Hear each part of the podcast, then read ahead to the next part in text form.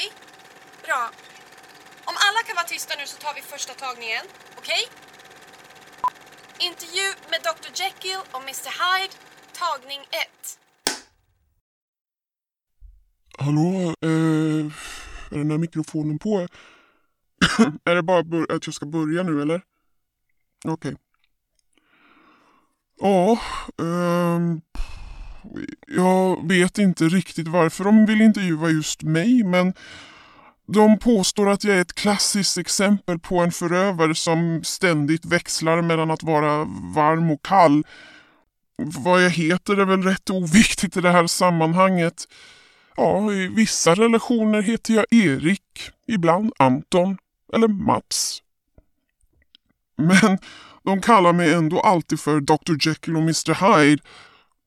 Alltså det låter ju som jag är två personer igen. Men nej, dubbelnamnet är vad jag har förstått nu i efterhand baserat på en fiktiv karaktär där en godhjärtad läkare, Dr Jekyll, och eh, en monstruös förövare som kallas Mr Hyde eh, till slut visar sig vara en och samma person. Ja, det är väl lite så jag är. Ibland är jag varm, ibland är jag kall. Ibland ger jag kärlek, ibland misshandlar jag. Eh, vad ska jag säga? Det är bara sån jag är helt enkelt. Men jag vill ändå klargöra att jag alltså inte har två sidor som man kan tro. Nej, jag spelar bara varm när jag känner att jag behöver det. Eh, fick ni med allt det där? Bra, då tar vi, vi, vi kör vidare här och tar nästa fråga. Varför känner du att du behöver vara kall mot din partner? Varför misshandlar du?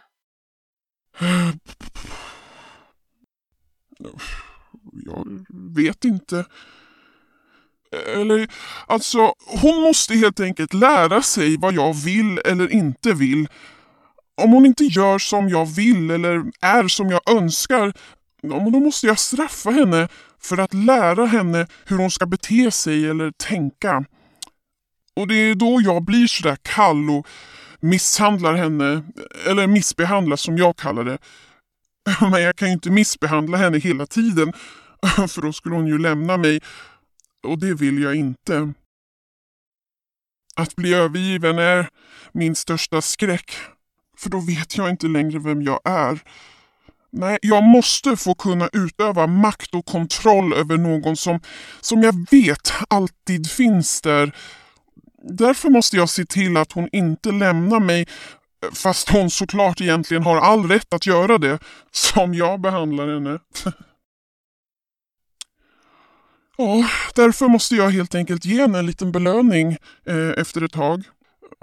Ja, jag är liksom tvungen att göra fina kärleksfulla saker emellanåt. Att ge henne min värme helt enkelt. Och vi kan ha kul, men det ger mig inte lika mycket tillfredsställelse som när jag känner att jag har makt över henne. Långt ifrån. Eller, nej. Egentligen ger det inte mig ett skit när vi har kul tillsammans om jag ska vara riktigt ärlig.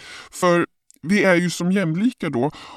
Och jag måste alltid få känna att jag står över henne. I allt och alltid.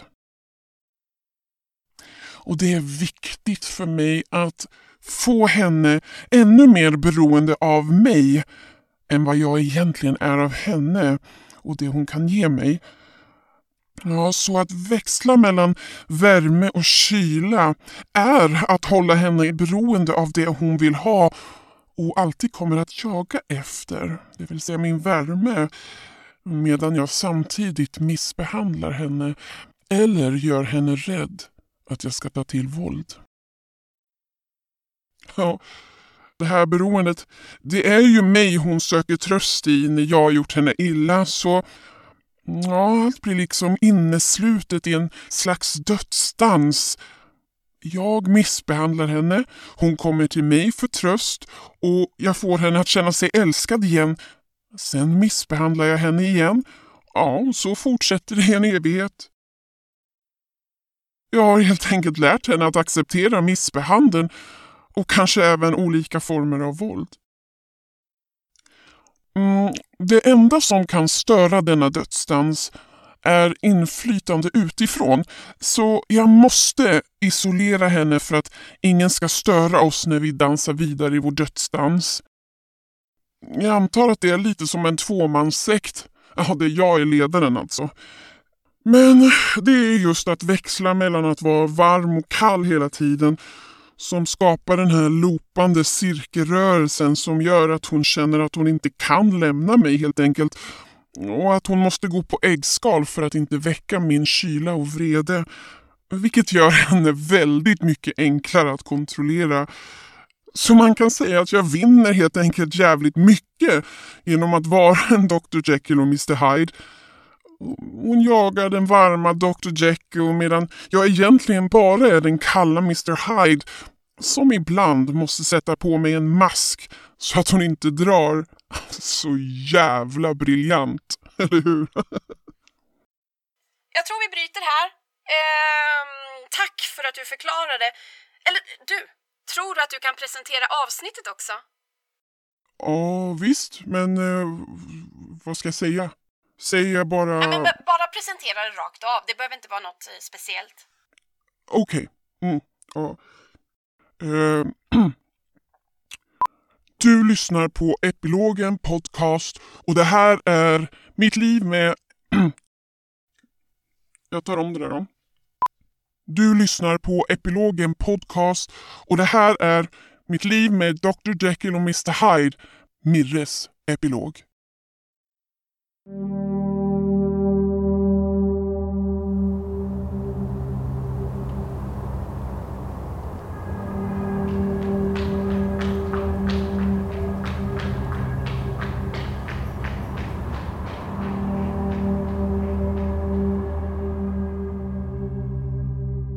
jag lämnade för sista gången så trodde jag att jag hade hela bilden av mitt ex.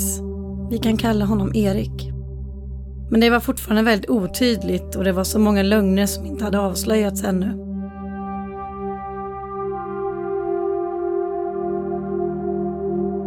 Allt var mycket värre än jag trodde och jag antar det så det känns när ens verklighetsuppfattning har blivit förvriden för att man blivit söndermanipulerad under lång tid. När jag sprang ut från den där festen mitt i natten i ren panik så framstod jag som att jag var helt galen. Jag trodde också att jag hade blivit galen. Jag klarade inte längre av att hantera den psykiska terror och den kontroll jag utsattes för.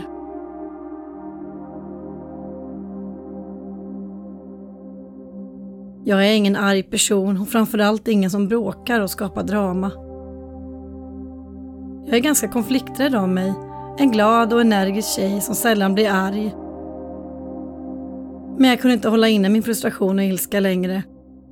Och jag kände inte igen mig själv och kände mig helt vilse i den falska illusion som han hade målat upp för mig.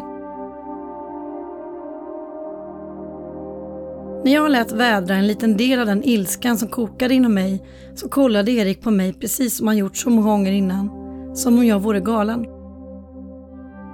Jag hade hela tiden kämpat för att upprätthålla en stabil grund och tagit på mig allt ansvar för att allt skulle fungera. Men nu när jag ballade ur så kunde han äntligen få säga till sin familj och vänner. Titta vad hon gör mot mig. Det är inte bara jag som gör fel i vår relation. Se hur hon beter sig. Han hade kämpat så länge för att få mig ur balans och till slut så lyckades han. Jag skrev ner många händelser och beteenden som Erik utsatte mig för. Trots det så minns jag inte allt och jag har förträngt väldigt mycket. Många gånger är minnena väldigt diffusa och jag minns sällan detaljer såsom vad som sagts eller själva anledningen till bråket eller händelsen. Men den där listan jag skrev ner under vår relation var livsviktig och den var vägen ut för mig. För när jag till slut vågade läsa upp en liten del av den listan för en vän såg jag hennes starka reaktion och den sanna bilden av det jag utsattes för speglades i hennes förskräckta blick. Jag vågade inte berätta allt och jag kände att hon inte skulle klarat av att få den bomben lagd i sitt knä där och då. Dagen efter festen jag dramatiskt lämnade mitt i natten så ringde jag min mamma och mina närmsta vänner som visste en bråkdel av allt våld som jag utsatts för. Och jag sa till deras lättnad, nu är det fan över. Och jag trodde verkligen att det var så. För nu hade jag ju lämnat honom för gott. Och jag var så tacksam över att mina känslor till slut hade börjat svalna för han tappade därmed sin makt över mig. Trodde jag.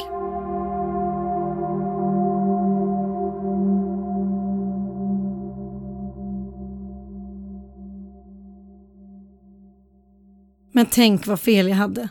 Jag hade ju ingen aning om vad grov manipulation och psykisk misshandel kan göra för allvarliga skador i en människas psyke. Och hur lång tid det tar av rent helvete efter man lämnat. Jag hade aldrig varit med om något sånt här förut. Slog han dig? frågade vänner efter jag lämnat Erik och när jag försiktigt börjat berätta om alla trauman.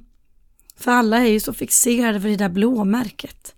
Du kan bryta ner och psyka sönder, kontrollera och hjärntvätta en person tills hen tappar hela sin identitet, verklighetsuppfattning och självkänsla.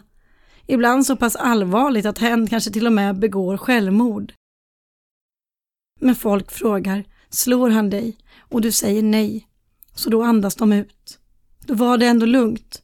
Och det gör ju även att man stannar kvar. För även Erik sa ju Äsch, alla par bråkar och har det så här, fattar du inte det? Du ältar. Du överreagerar.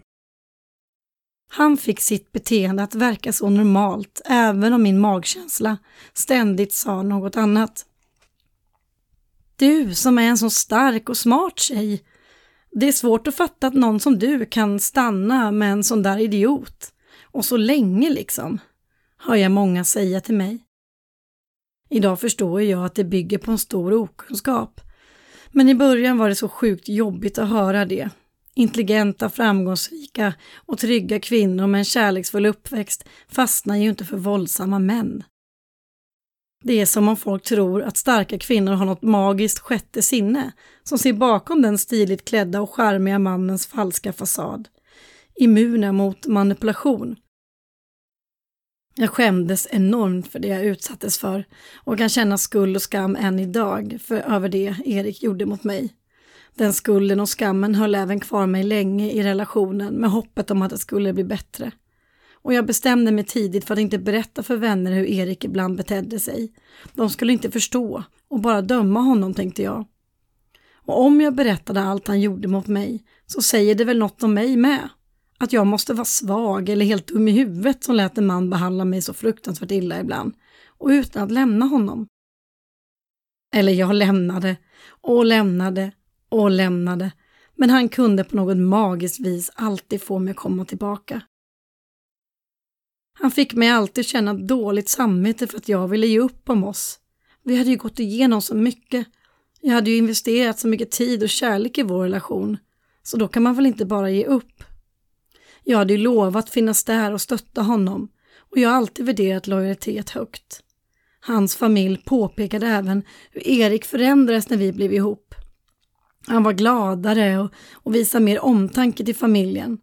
Du är verkligen bra för honom Mirre, fick jag höra ofta.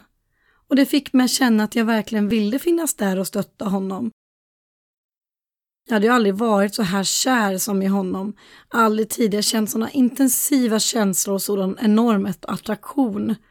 Och han älskade ju mig över allt i hela världen. Han hade aldrig känt så här för någon annan. Jag var så speciell på alla sätt och vis. En del av mitt tillfrisknande har varit att få förståelse för hur jag kunde fastna för en sån här man. Och jag ska försöka förklara för er hur det gick till.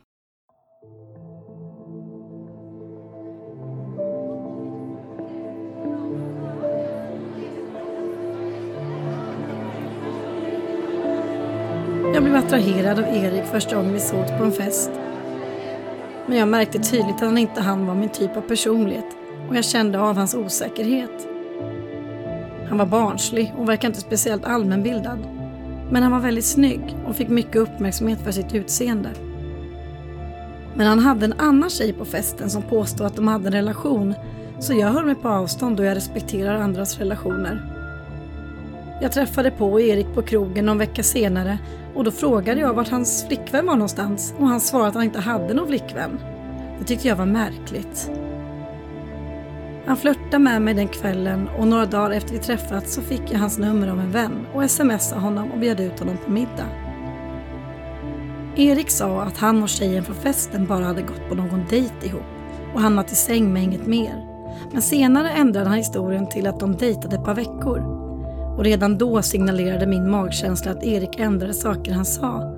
Men han var så övertygande och lugn när jag ifrågasatte honom så jag viftade bort det. Men den här tjejen ringde och försökte få tag i Erik och han verkade väldigt besvärad över det. Erik påstod att hon var psykopat, precis som han kallade alla sina ex, och att hon stakade honom. Men senare fick jag veta att egentligen hade de varit tillsammans i flera månader och hon skulle flytta ihop med honom när han mötte mig på den där festen. Och efter vår första dejt försvann han bara från henne och hon blev såklart helt knäckt och försökte hitta honom. Jag lider med henne för det måste ha varit fruktansvärt att bli lämnad på det där sättet.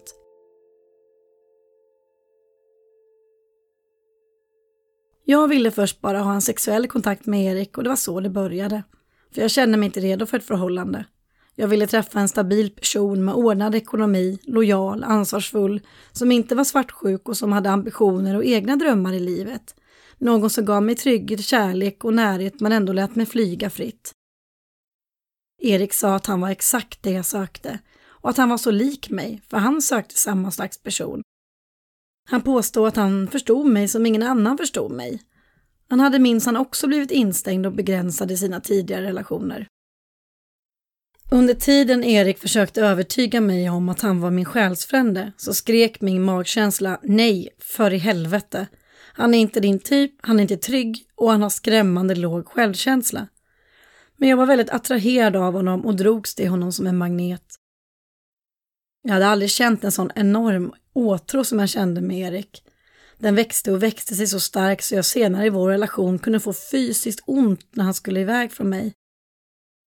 Jag tyckte det var lite charmigt också att han var så intresserad av mig och mitt liv och ringde väldigt ofta och kollade läget.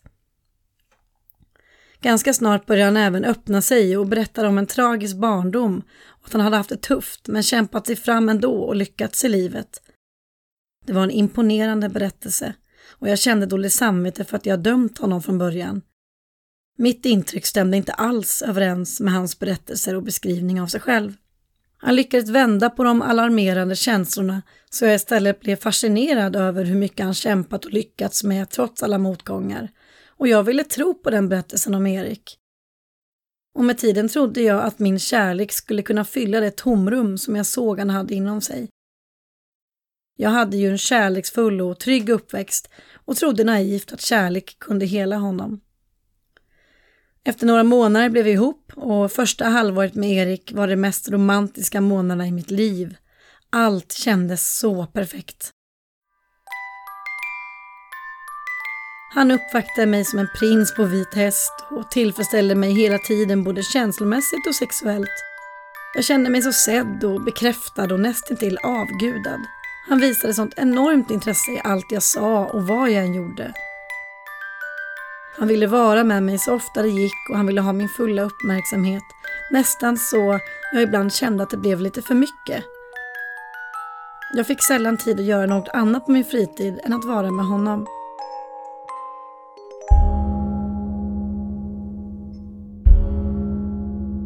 Under denna tid så minns jag även att han testade mina gränser och jag påtalade ofta varför leker du med mina känslor? Och det är svårt att eh, minnas specifika exempel så här i efterhand men han kunde säga saker som uppenbarligen sårade mig. Han kunde agera på sätt som jag tydligt sagt att jag inte uppskattade då jag alltid varit tydlig med sådant. Han kunde skämta på min bekostnad inför andra eller säga saker som han sedan påstod var ett skämt och när jag sa ifrån på en sak så testade han en annan.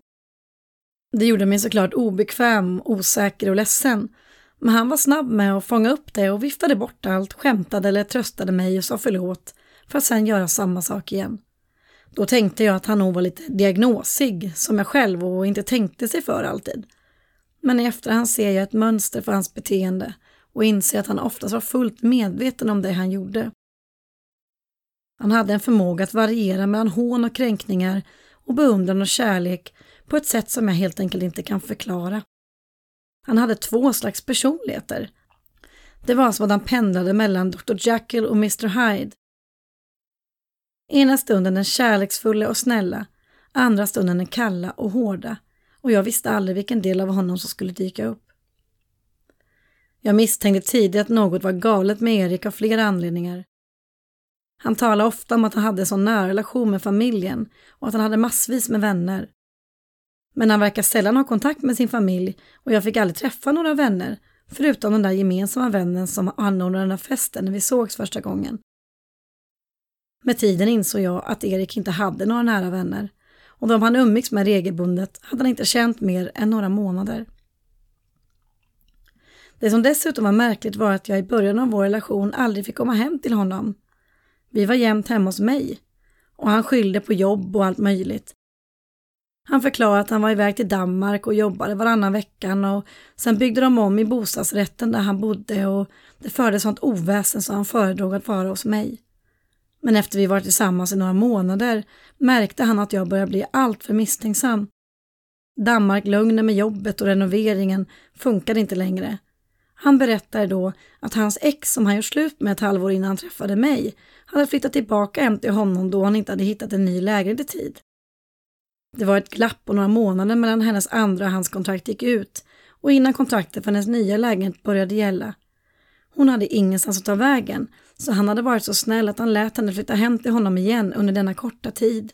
Och det var därför jag inte kunde komma hem till honom. Tänk att denna man var så fin mot sitt ex och ställde upp för henne på det här sättet. Hur många män gör så liksom, tänkte jag. Och jag skröt om hans fina egenskaper till vänner och familj som imponerades av hans ödmjukhet och omtanke till exet. Men egentligen hade han inte ens gjort slut med sitt ex och bodde fortfarande med henne den första tiden av vår relation. Han gick bakom ryggen på henne och levde dubbelliv med flera olika kvinnor under lång tid innan hon upptäckte otrohetsaffärerna och det tog slut mellan dem. Hon flyttade ut från lägenheten strax innan jag flyttade in. När jag flyttade in fick jag vare sig ta med möbler eller så mycket personliga tillhörigheter. Erik tyckte jag hade dålig smak på inredning och ville helst inte se något tecken på att det bodde någon annan mer än han i lägenheten. Eller egentligen såg det knappt ut som att någon alls bodde där. Det skulle vara kalt på väggarna, grått och vitt och tomt och opersonligt. Eriks lägenhet såg ut som en lägenhet för allmän uthyrning, fast även de har mer själ och hjärta än hans inredning. Jag vantrivdes i mitt nya hem, men med tiden fick jag ändå upp någon tavla och få in lite av mig. Men det var aldrig så att Erik rent spontant bjöd in till det, utan det var efter enorma svek och lögner som Erik plötsligt kunde tycka att det var en självklarhet att jag skulle få måla om en vägg eller få upp en tavla.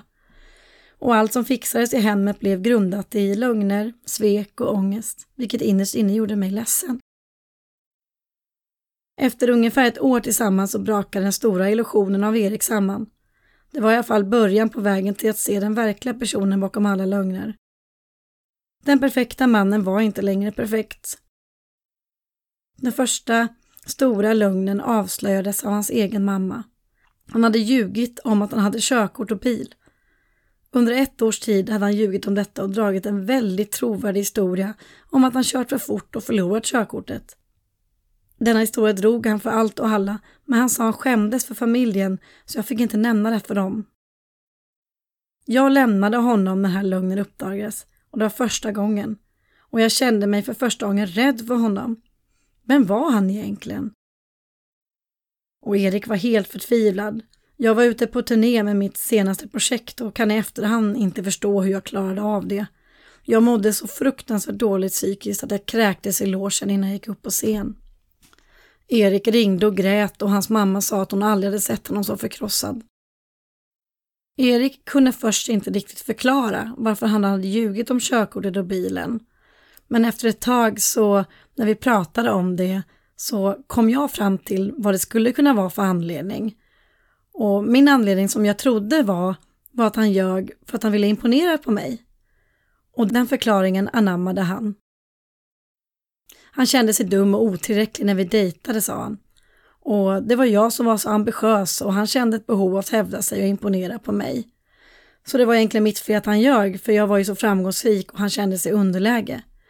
Det blev en förklaringsmodell som Erik använde sig av i många situationer när han hade ljugit. Och det var jag som hade skapat den förklaringen. Jag fick dåligt samvete för att han hade ljugit om den mest basala, oviktiga sak som finns. Vem bryr sig om ett körkort eller en bil? Och jag la skulden på mig själv att han kände sig som min skugga, att han behövde hävda sig på det sättet. Och jag bestämde mig för att jag skulle visa honom att jag älskade honom oavsett. Och jag bryr mig inte om materiella saker, pengar och status. Det fanns inga mer lögner, lovade han. Men det var såklart den största lögnen. Och körkortslögnen var bara toppen på berget. Det mörka, kladdiga, vidriga berget av en tragisk mytomans låtsasliv. Den andra stora lögnen kom efter vi hade flyttat ihop. Jag sa nästan upp ett förstahandskontrakt för att vi skulle ju sälja hans bostadsrätt och köpa hus i framtiden. Problemet med den drömmen var att han bodde i en hyresrätt. Erik påstod att han hade väldigt bra med pengar och var samtidigt väldigt snål. Han såg ner på att jag hade haft svårt ekonomiskt tidigare i mitt liv. Några månader innan jag lämnade Erik så fann jag av en slump en stor hög med skulder gömt längst ner i hans kalsonglåda. Han hade aldrig haft pengar och köpt saker och resor på kredit. Det var aldrig han som avslöjade en lögn och det var små och stora lögner var och varannan dag. När han blev avslöjad så försökte han alltid slingra sig och till varje pris förneka att han gjort fel. Jag var tvungen att ha konkreta bevis och knappt inte ens då kunde han erkänna. När han inte kunde slingra sig mer började han istället gråta och förvandlades till ett offer. Som en liten pojke som grät för att han blev avslöjad med handen i syltburken. Och min empati fick mig att omfamna honom. Han märkte att tårarna blev ett effektivt sätt att ha mig kvar. Jag tyckte synd om honom och jag har alltid varit en förlåtande person, vilket han utnyttjade till fullo. Jag minns att Erik hade svårt för att visa empati. Jag fick oftast prata med honom som om jag pratade med ett barn om jag skulle beskriva någon annans känslor eller mina egna. Han var ofta arg på andra människor och kallade andra för idioter, både familjemedlemmar, kollegor och vänner. Och jag har alltid engagerat mig ideellt på olika sätt och det var väldigt främmande för Erik. Vadå? Ska du jobba gratis? Får du inget för det? Han kunde provoceras av att jag ställde upp för andra, utförde arbete gratis och utan att kräva något tillbaka. Han tyckte bara andra utnyttjade honom om han skulle ställa upp för andra utan att få något i gengäld. Men han ville självklart alltid att andra skulle göra saker för honom. Jag minns även att jag fick förklara för Erik hur man säger förlåt och hur man behandlar någon som är ledsen då han verkar ha svårt att förstå sig på det. Han hade helst eh, låtsas som ingenting och ibland tog det lång tid innan han kunde ge mig ett förlåt. Och även om jag fick ett förlåt så kändes det aldrig som att han faktiskt förstod vad han hade gjort. Han ville aldrig diskutera det som gått fel eller förklara vad hans förlåt innebar. Jag tänkte tidigt att han kanske hade någon slags diagnos som ADHD eller autism då jag själv lever med ADHD och vissa saker inte är så enkla eller självklara så jag försökte vara förstående. Jag märkte att han hade vissa beteenden som stämde in på mina egna men han hade även många sidor som inte stämde in på någon diagnos jag kände till. Erik skröt ofta om sig själv och kryddade på sitt liv för att imponera på andra. Men han föredrog främst att skryta om mig och min karriär inför andra och folk sa Åh, det är så fint att din kille är så stolt över dig. Men han var totalt ointresserad av att bekräfta mig när vi var ensamma. Inför andra ville han stoltsera att han var min pojkvän, men inför mig ville han att jag skulle känna mig privilegierad att han minsann valt ut mig. Vid flertal tillfällen berättade han till exempel att han och hans bror hade så snygga kvinnor förr i tiden. Men nu när eh, man är äldre så måste man ju sänka ribban lite. Sa han. Jag blev märkbart ledsen, men han brydde sig inte om det. Mina känslor var aldrig viktiga. Han kunde ena stunden beundra mitt utseende och andra stunden hånskratta åt mig. Han kunde kommentera mitt sätt att klä mig och få mig att känna mig så ful och otillräcklig att jag på flera sätt anpassade mitt utseende efter hans tycke. Han kunde anmärka på hur jag rörde mig, hur jag plockade in disken, hur jag vek tvätten. Inget var lika bra som när han gjorde det och han skulle rätta mig ofta. Han visade till och med hur jag skulle vika toapappret på rätt sätt. Jag kände mig ofta idiotförklarad och som ett barn, som om jag vore oförmögen att göra saker själv. Jag mådde väldigt dåligt av detta i början men kände att det också blev bättre med tiden. Men det blev det inte. Det var bara jag som vande mig vid hans uppfostrande beteende och anpassade mig. Allt sjukt normaliserades sakta men säkert. Det märkliga med vår relation, både under tiden den pågick och efteråt, var just det att min hjärna ständigt förträngde alla lögner, svek och våld och endast ville komma ihåg den här romantiska, passionerade, snygga mannen. Min hjärna vägrade tänka på de svarta ögonen och knytnäven utan fokuserade istället på den där mannen som satte sig ner i vit sand i solnedgången och friade till sitt livs största kärlek. Levande små ljuslyktor och rosenblad strödda i sanden runt oss. Den mest romantiska stunden i mitt liv kände jag just då. I efterhand minns jag att jag hade funderat på att lämna honom innan resan efter att ännu en stor lögn om hans liv hade uppdagats. På något vis kom alltid hans enorma bekräftelsevågor i samband med att jag började glida ifrån honom. Alltid efter enorma svek, lögner och bråk. Och min hjärna ville även sudda ut att samma man på samma vita strand året innan stod och skrek med svarta ögon och höjd näve. Din jävla fitthora! Fy fan för dig! Du är en jävla idiot! För att jag hade pratat med ett trevligt par vi mötte i baren. Han var ursinnig och jag var chockad och helt förtvivlad. Jag grät och frågade upprepande vad jag hade gjort för fel, för jag förstod inte varför tio minuters prat med främlingar kunde göra honom så arg. Jag sa förlåt, men han lyssnade inte. Jag var livrädd att han skulle slå mig med den hårt knutna näven som han hotfullt höll några centimeter från mitt ansikte. Och det var inte första gången, eller sista, som han skrek åt mig och höjde sin knutna näve mot mig. Jag tänkte inte längre om han skulle slå mig, utan när. Där hade jag satt min gräns nämligen. Om han slår mig. För jag förstod inte vilken enorm skada han kunde göra utan att röra mig.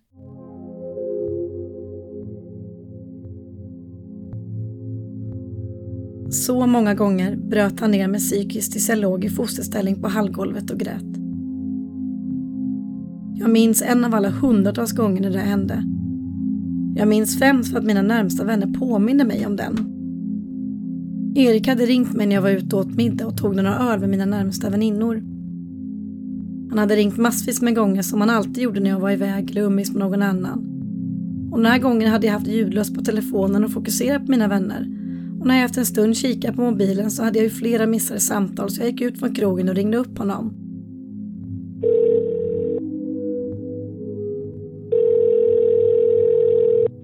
Han var vansinnig och skrek Din jävla hora! och svamlade en massa och slängde sedan på luren i örat på mig. Och jag blev alldeles chockad och förstod ingenting. Vad hade hänt? Jag började gråta och fick lämna middagen. Det måste ju finnas en anledning till hans ilska tänkte jag och skyndade mig hem. Där hemma möttes jag av en man som satt lugnt och tittade på TV med whisky i handen som om ingenting hade hänt. Han behandlade mig som luft och vägrade svara på varför han ringt och skrikit på mig. När jag blev upprörd så reste han sig och började skälla ut mig. Och han blev inte nöjd förrän jag till slut bröt ihop på golvet i en panikattack och grät förtvivlat. Då klev han över mig och gick lugnt iväg och visslade glatt för sig själv. Släckte alla lampor i lägenheten och gick in i vårt sovrum och stängde dörren. Efter en stund ropade han surt ut till mig i den mörka hallen. Ska du ligga där och grina hela natten? Ska du komma in och lägga dig någon gång eller? Dagen efter kunde han antingen låtsas som om ingenting hade hänt eller visa sig ångerfylld och bekräfta mig på alla möjliga sätt. Detta beteende upprepades, jag vet inte hur många gånger, och efteråt överöste han mig med rosor, gåvor, sex och närhet i några dagar eller någon vecka. Tills han märkte att jag förlåtit honom. Då blev allt snabbt som vanligt. Och sen vill han aldrig mer prata om det som hänt. Jag minns en annan gång av alla dessa bråk dagen efter då grannkvinnan frågade mig i hissen om jag hade hört det där bråket kvällen innan. Hon tittade lite oroligt på mig och sa Det lät så allvarligt att jag nästan ringde polisen. Och jag skakade på huvudet och sa att nej, nej, jag har inte hört något. Men jag såg att hon såg rakt igenom mig. Hon visste att det var jag som grät förtvivlat i lägenheten ovanför och Erik som skrek, svor och slog sönder saker. Mitt inre fylldes på med allt fler konflikter, svek, lögner och bråk och elaka saker Erik sagt. Och jag kunde inte prata med någon om det jag upplevde. Erik blev vansinnig om jag nämnde att vi kanske borde prata med någon om våra problem eller att han kanske kunde söka stöd hos vänner för att förstå mig eller sig själv bättre. Att prata med vänner har alltid varit naturligt för mig för att bearbeta och se saker och ting ur andras perspektiv. Men så jobbade inte Erik. Han förbjöd mig att prata med andra om våra problem, för de hade minsann samma problem själva och sa de något annat så ljög de. Allt vi genomled var helt normalt, enligt Erik. Eriks främsta vapen var tystnaden. Han körde ofta med tystnad som straff eller att behandla mig som luft. Vi kunde sitta på restaurang och plötsligt slutade jag existera. Det kunde ske lite när som helst, men det kändes som mest förnedrande när det skedde i offentliga sammanhang.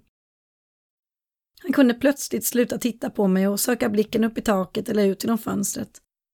Men jag var van vid att Erik allt eftersom började visa sig mer ointresserad av det jag berättade. Jag kände mig tråkig och han såg ointresserad ut. Och jag pratade på som vanligt ändå. Så det tog en liten stund innan jag märkte att jag gick från ointressant till icke-existerande. Jag hade monologer under hela vår relation och fick sällan mer än ett Okej. eller en axelryckning. Speciellt om vi var ensamma. Blev jag arg eller ledsen över detta så kunde han tycka jag var orättvis. För han lyssnade ju faktiskt och sa Ja. eller Mm. ibland. Flera gånger började jag gråta på restaurangen eller reste mig för att gå. Men då slutade han tvärt ignorera mig. Då sken han upp ett leende istället och beställde en drink till mig. Han bjöd mig väldigt sällan, så det var ju något extra speciellt. Han kunde plötsligt kyssa mig, kramade på mig och berättade hur underbar jag var och hur mycket han älskade mig. Han bröt ner mig, plockade upp mig, bröt ner mig, plockade upp mig. Han älskade att pyssla om mig och uppvakta mig efter att ha knäckt mig. Och jag började vänja mig med att det var så vår relation var uppbyggd. När jag ständigt frågade varför han betedde sig sådär mot mig så fick jag aldrig ett svar. Istället fick jag skapa förklaringar i min egen hjärna för allt var så sjukt och ologiskt. Jag blev galen av att inte förstå varför och att inte ha någon som helst kontroll och jag försökte förstå vad jag själv gjorde för fel. Till slut började jag förklara för Erik varför han gjorde mig illa och detta snappade han ju upp precis som jag nämnde tidigare och använde sedan som en förklaring för att lugna mig men även för att använda emot mig i slutet av vår relation. Små bråk, kyla, tystnad och elaka kommentarer och blickar blev vardag och Erik gjorde sällan något för att gottgöra mig där. Möjligtvis kunde han förföra mig och på så sätt bekräfta mig sexuellt och släta över mindre incidenter. Men efter stora bråk, lögner och svek, då han var nära på att förlora mig, då förvandlades han alltid till drömprinsen igen. Han började ofta med att gråta och visa enorm ånger. Ofta slutade med att jag tröstade honom för att han gjort mig illa. Sen kunde han uppvakta mig, förförde mig, förklarade sin kärlek och fullkomligt lovebombade mig med kärleksförklaringar och uppvaktning. Och det kärleksruset jag fick när han gick från kyla till värme är obeskrivlig. Allt det jobbiga suddades ut direkt. Det flyttades från huvudet och ner i magen där det fick vila med resterande trauman från tidigare händelser som inte fått bearbetats. Erik kunde även bli helt förtvivlad när jag sa att jag trodde han var otrogen. Min inre röst sa detta allt högre under vår relation och till slut kunde jag inte ignorera det. Erik sa med tårar i ögonen. Alltså jag vet att jag har gjort dig illa och gjort massa sjukt dumt mot dig. Men jag skulle aldrig, aldrig vara otrogen. Det är det värsta jag vet och jag skulle aldrig förlåta dig om du var otrogen mot mig. Men Erik var otrogen mot mig under hela vår relation. Och jag kan ibland undra hur många kvinnor det var han hade bakom min rygg. Det är nästan lite imponerande hur han hann med dubbellivet med tanke på att han var så besatt av att vi ständigt skulle umgås. Men med hans omättliga och sjukliga bekräftelsebehov så är det inte så konstigt att han tog varje tillfälle i akt när han var ute på krogen ensam eller när jag var bortrest på jobb de fåtal gånger jag fick åka själv. Vårt sexliv var fantastiskt och vi var väldigt synkade sexuellt så han kunde skämsamt säga Hur ska jag hinna vara otrogen? Jag skrattade och ignorerade det jag såg och kände. Jag var ju ingen svartsjuk person och jag hade ju aldrig varit svartsjuk förut så känslan var främmande för mig. Och det var ju sant. Han fick precis allt han ville ha i sängen precis som han var väldigt mån om att göra mig nöjd. Så varför skulle han söka sex hos någon annan? Det hade ju inte varit friskt. Och ja, det var det ju inte heller. Men jag märkte tidigt att han var väldigt sexfixerad och ville att jag skulle ta på honom och hålla hans kön när vi såg på film. Han ville inte gosa, kramas eller ge mig annan närhet. Om jag ville gosa så blev det alltid sex. Om jag inte ville ha sex så blev det inget gos. Och jag reagerade på det och försökte ständigt få honom att kramas, mysa och gosa, då det är minst lika viktigt för mig. Men han ville bara mysa med mig efter han hade sårat mig. Det var enda gången jag fick den ömheten utöver det sexuella. En märklig egenskap som förvirrade mig mycket under vår relation var att Erik verkade vilja få mig ledsen när jag kände mig glad. Det är svårt att förklara och jag vet inte när detta började men det var en bit in i vår relation efter första året. Jag minns att jag vid flera tillfällen påpekade att vi aldrig längre var glada samtidigt. Om jag var glad och skrattade så var han sur och tyst. Och var jag sur och nedstämd så var han glad och sprallig. Han kunde bli extra glad och exalterad när jag var nedstämd eller hade en dålig dag. Inte på ett sätt som för att muntra upp mig, utan nästan mer hånfullt och provokativt. Om jag kom hem med huvudvärk från jobbet och var trött och nedstämd så kunde han sätta på musik och gärna välja någon låt som han vet att jag avskydde. Han kunde börja dansa, flamsa och klappa med händerna. När jag då bad honom att sänka volymen och förklara att jag inte mådde så bra så kunde han stänga av musiken tvärt och kalla mig glädjedödare och sen straffa mig med kyla och tystnad resten av kvällen. Det kändes som att Erik hade en förmåga att suga ut all glädje ur min kropp.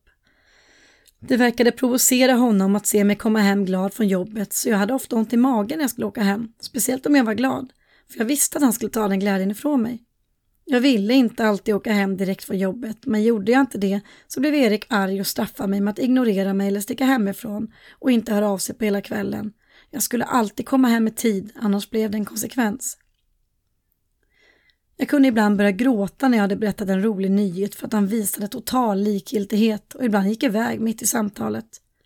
Jag kände mig så värdelös och ointressant. När jag förklarade att hans beteende sårade mig så ville han aldrig möta mina känslor utan var som vanligt oförstående och tyckte att jag överreagerade. Och ville jag då ringa min mamma eller en vän för att berätta den glada nyheten för att få någon slags respons så blev han vansinnig. Han hatade när jag pratade telefon med andra ännu mer om jag skulle försöka dela min glädje med någon annan. Allt sjukt beteende smög sig sakta på längs med tiden och jag försökte ständigt fokusera på det positiva och ignorera det negativa. Hade allt sjukt varit så tydligt direkt och bestående så hade jag aldrig stannat. Mellan bråken och allt hemskt han utsatte mig för fanns det ju en passion och både romantik, roliga äventyr och en vanlig vardag. Det var det som gjorde det så svårt. Många gånger sa jag, varför respekterar du mig inte? Varför är du så trevlig och charmig mot alla förutom mig? Varför är du bara trevlig bland folk och inte när vi är ensamma? Kan du inte vara tvärtom, snälla? Kan du inte ge mig samma charm som du ger de andra? Det kändes ofta som att jag ville att han skulle byta fokus. Jag törstade efter att känna mig älskad och betydelsefull men kände mig ständigt osedd, ignorerad och otillräcklig. Erik utsatte mig nästan dagligen i flera år för gaslighting och det är enligt mig den värsta misshandeln. Man kan ju fråga sig hur jag inte kunde se att han ljög, att han var påtänd och att han betedde sig sjukt. Men det gjorde jag faktiskt. Jag såg. Jag bråkade massor med honom när han betedde sig sjukt och elakt. Men han fick mig att ifrågasätta min egen verklighetsuppfattning. Sa att jag inbillade mig saker som faktiskt hände. Att jag hittade på. Att jag var svartsjuk. Att jag var överkänslig. Och det var det som till slut fick mig att tro att jag var den som var psykiskt sjuk. Jag minns flera exempel på detta. Efter en utekväll tillsammans kunde Erik börja ignorera mig och sedan flörta med en kvinna på spårvagnen mitt framför mina ögon. Möta hennes blick, le och blinka med ögat. När jag konfronterade honom så tittade han förvånat och sa Nu gör du sådär igen. Inbillade grejer. Jag tittade bara på henne. Får man inte titta? Och du säger att jag är svartsjuk. Jag minns ett annat tydligt exempel när jag lånade hans mobil. Det fick jag väldigt sällan göra och nu förstår jag ju varför.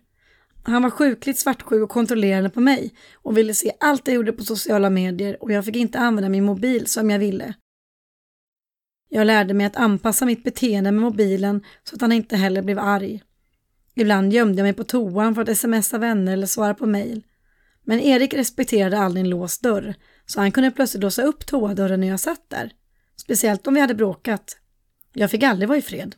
Han respekterade aldrig min integritet och även om jag sa snälla, låt mig få vara, så kom han och ville envist krama om mig. Hans kontrollbehov och svartsjuka gick så långt att han till slut hackade mina konton och läste mina meddelanden och mejl. Men jag satt hur som helst med hans mobil ihop med honom en stund och kollade en resa vi skulle åka på och då kom det plötsligt sms där en kvinna skriver Tänker på dig, åh när ses vi igen och ett hjärta. Erik tog snabbt mobilen och jag blev helt paff. Jag frågade honom vem som smsade men han gick iväg och pillade med mobilen. Sen kom han tillbaka och förnekade att han har fått något sms. Kan du lägga av nu? Sa han. Jag har inte fått något sms. Vad håller du på med nu? Jag fick gå igenom hans telefon och hittade ingenting. Och han tittade på mig som om jag vore knäpp. Nu i efterhand inser jag att allt jag såg och hörde faktiskt hände på riktigt. Det är svårt att förklara hur sjukt det här våldet är och hur osynligt det är för andra. Känslan av att någon ljuger mot en och manipulerar verkligheten är väldigt svår att hantera.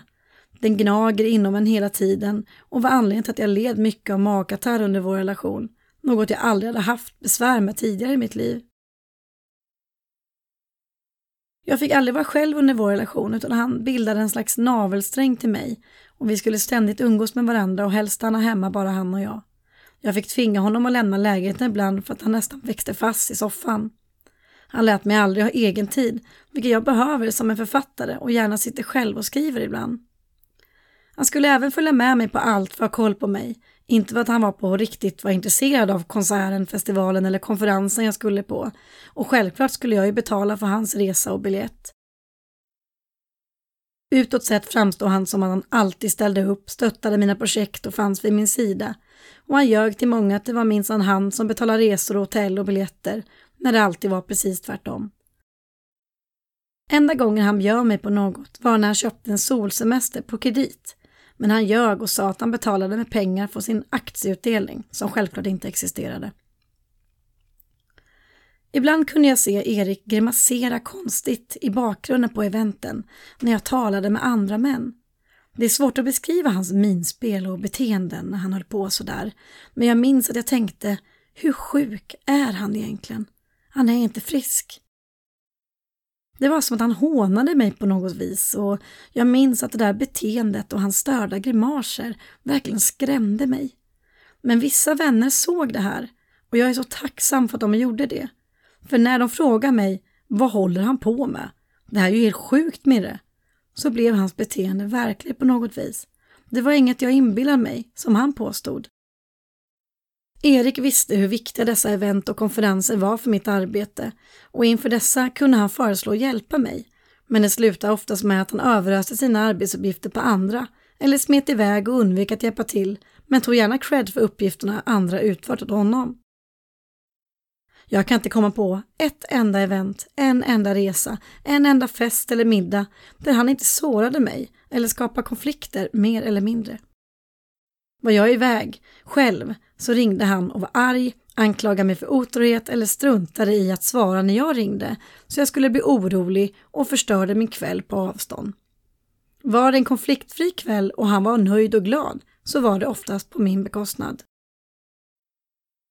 Jag trodde ett tag att detta beteende var på grund av att han kände sig utanför, att det var jag som gjorde något fel och var disträ eller inte inkluderade honom ordentligt. Men det handlar inte om det. Jag minns en gång som var ett bra exempel på det, då han hade mitt fokus till 100% när jag överraskade honom för han fyllde år.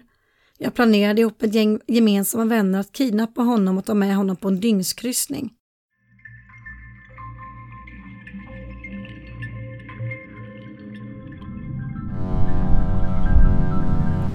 Jag bokade sviten på färjan och vi ordnade så att det skulle bli den perfekta dagen och kvällen. I början var allt underbart och han blev glad över överraskningen.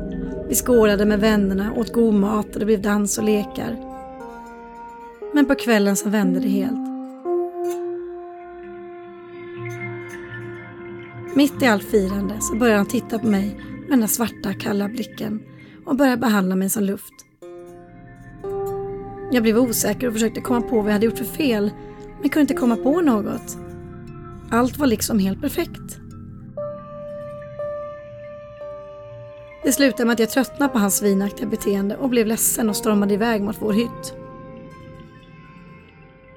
Erik bytte som vanligt om direkt till den glada, kärleksfulla mannen och skyndade efter mig. Han bad om ursäkt, kramade mig, tröstade och kallade sig själv för en idiot. Som vanligt fick jag ingen förklaring på varför han hade betett sig så respektlöst och kallt mot mig. Den natten älskade han passionerat med mig, precis som han alltid gjorde när han fått mig att bli ledsen. Och i efterhand inser jag att det var det han ville ha. Ha mig nedbruten, tyst och nedstämd. Han älskade när jag var sån, när han hade övertaget.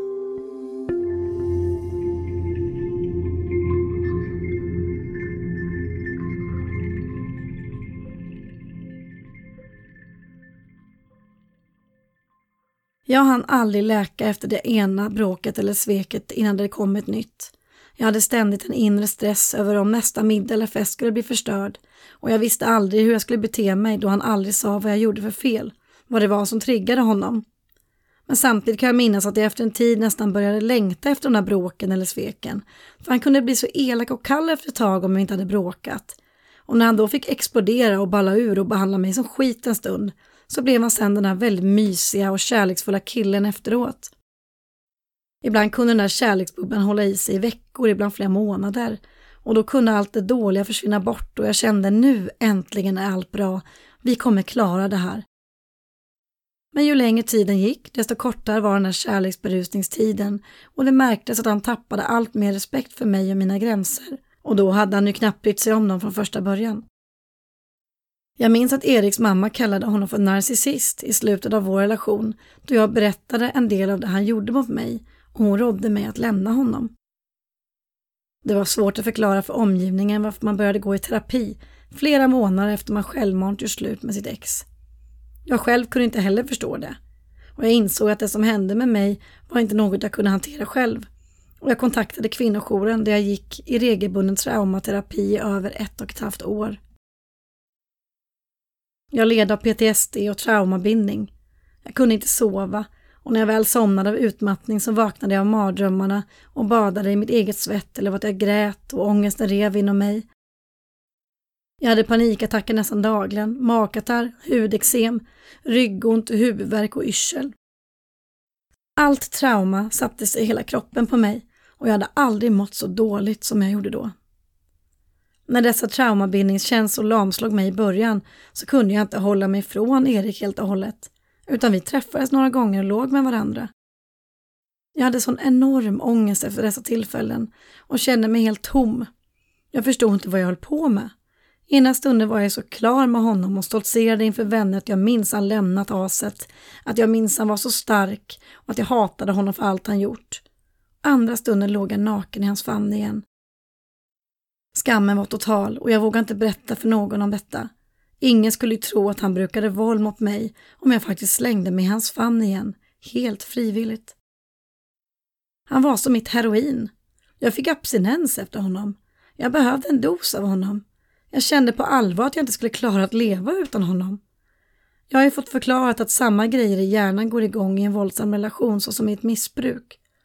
Skillnaden är bara att i en kärleksrelation så ringer heroinet till din mobil eller skriver söta dikter i sms eller ångerfyllda mejl. Men när jag hade varit i hans famn så kände jag hur känslokall han var. Att det bara var kött och inga känslor. Och kanske hade han alltid varit så här, men jag hade inte sett det förrän nu. Några få månader efter jag lämnat och bara några veckor efter vi senast låg med varandra så går han ut på Facebook att han är sambo med en ny kvinna. Det som kändes jobbigt var ju att jag mådde skit av att se det här. Ändå var det jag som lämnade honom om och om igen. Jag har aldrig brytt mig när mitt ex träffat en ny, även om det skett en kvart senare, för jag har valt att göra slut. Men nu kunde jag knappt andas. Jag levde fortfarande med den långsamma psykiska avtändningen från mitt Erik-missbruk. Jag hade fortfarande ett konstigt vagt hopp om att han faktiskt älskade mig på riktigt och skulle kämpa för att få mig tillbaka. Men han hade redan glömt personen som han påstod var sitt livs största kärlek. Och han hade ett nytt liv nu och ett nytt offer som han förmodligen redan hade bedragit med mig. Det tog lång tid innan jag vågade berätta för våra gemensamma vänner varför jag plötsligt lämnade honom. Det var ju bara fåtal vänner som visste att jag hade lämnat och gått tillbaka säkert 20 gånger innan. Men då hade han sedan länge sagt upp kontakten med de vännerna och jag förstod att det var så han gjorde för att slippa ta ansvar för hur illa han hade behandlat både mig och vänner. Men framför allt för att kunna fortsätta ljuga för sig själv och för sin nya tjej. Jag kände mig så arg över att jag levde ensam med panikångest, sömnproblem, magont, ryggsmärtor och gick i terapi hos kvinnojour medan han var nykär. Att han verkar lycklig och hade gått vidare så fort. Det kändes fruktansvärt orättvist. Och jag inbillade mig att han aldrig skulle vara otrogen, kontrollera och psyka sönder sin nya tjej. Även om jag innerst inne vet att det är såklart inte är sant. Han har gjort så här mot alla sina flickvänner innan mig och han kommer göra det igen. Men det tog lång tid för mig att faktiskt inse det. Nu har jag dessutom lärt honom både romantiska knep och hur man säger förlåt samt gett honom bra förklaringar till sitt sjuka beteende. Så jag antar att han tyvärr är mycket skickligare, mer manipulativ och helt enkelt värre idag.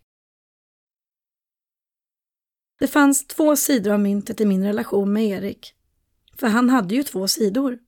Allt kretsade kring Dr Jekyll och Mr Hyde. Men min sida existerade inte. Jag anpassade hela mitt känsloliv efter hur han mådde, vad han kände, hans utbrott, hans humörsvängningar, lögner, missbruksproblem, hans vilja och behov. Tänk om vi någonsin hade bråkat för att jag ballade ur, ljög eller betedde mig som ett as och förstörde en kväll. Jag fick aldrig vara arg, ledsen, trött eller sur. Även om jag agerade världens gladaste, kåtaste, snällaste flickvän så kunde han se till så att helvetet bröt lös ändå. Jag hade ingen kontroll eller makt över vår relation överhuvudtaget. När vår relation började gå ut för så började Erik få mig att framstå som den som var svartsjuk, att jag bar en skuld för våra problem, att jag struntade i honom och han var snabb med att släta ut vår relation som bråkig och komplicerad och att vi båda bar lika skuld i det. Jag insåg med tiden att om någon upprepande skadar mig så spelar det ingen roll om han är medveten om det eller inte. Om man gör det av misstag, om och om igen, så är det sjukt. Gör det medvetet, så är det också sjukt. Det var inte förrän långt efter jag lämnat under min traumabehandling som jag insåg att han även utsatt mig för fysiskt våld. Det har tagit lång tid att förstå att putta någon, att ta hårt i någon, att slå sönder en dörr och kasta sönder saker är fysiskt våld.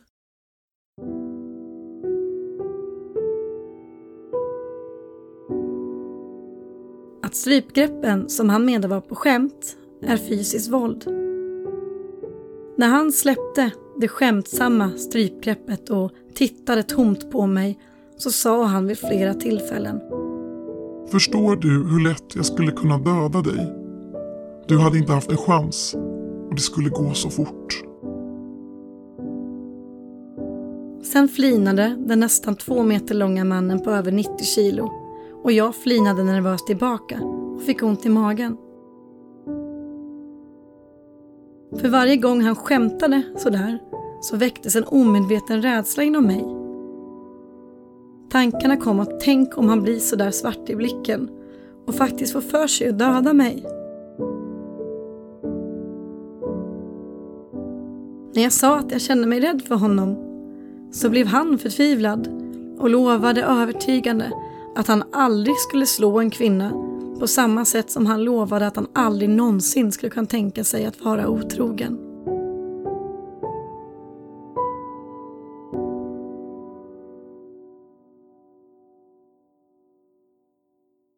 Det finns så mycket sjukt att berätta om Erik och vår relation.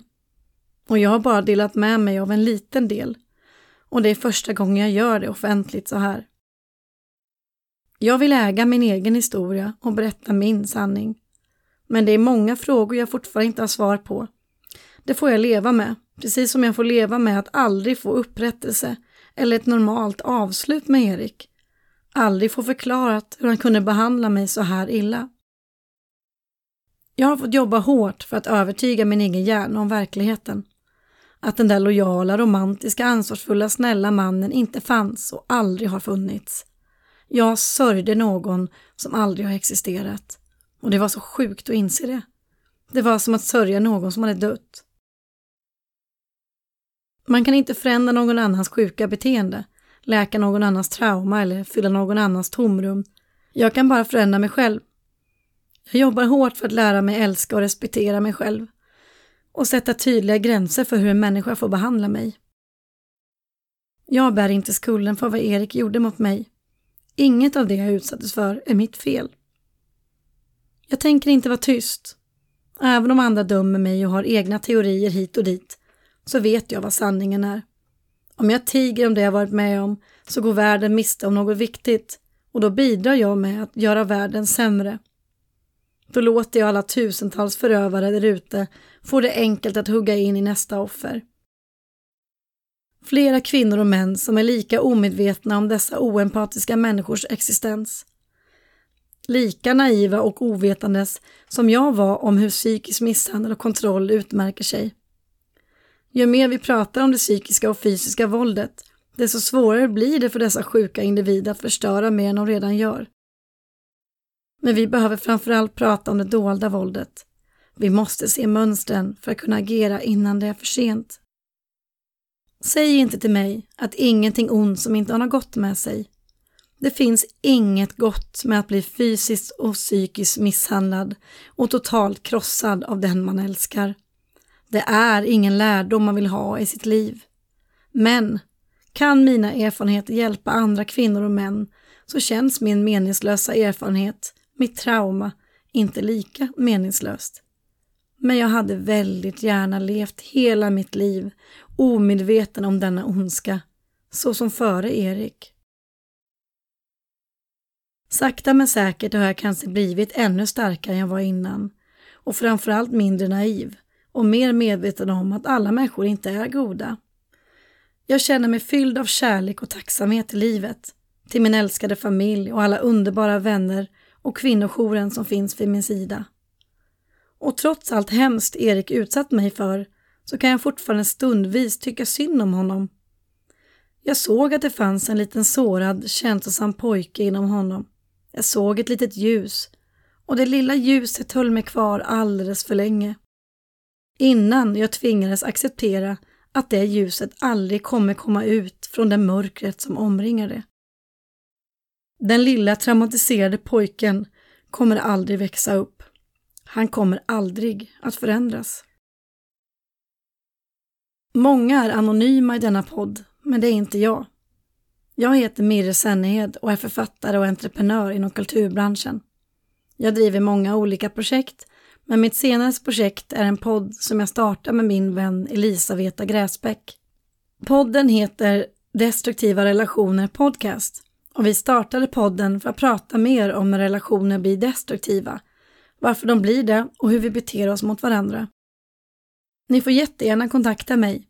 Ni hittar mig och mina kontaktuppgifter på mirresennehed.com men även mitt namn på Instagram eller via podden såklart. Tack Mia och Epilogen Podcast för en väldigt viktig podd. Tack för att jag fick vara med och berätta min historia för första gången offentligt. Tack alla som lyssnat. Jag kommer bli hel igen och jag ser fram emot att få uppleva riktig kärlek, helt utan kontroll, svartsjuka och våld. Jag är värd det och det är du med. Du är även starkare än du tror. Glöm aldrig det. Jag tänker inte känna skuld och skam längre. Skulden och skammen, den lämnar jag hos Erik. Things could always be worse. I remind myself of this often. When I'm coughing, when I'm sick, when I'm hurt. Du har lyssnat på Epilogen Podcast.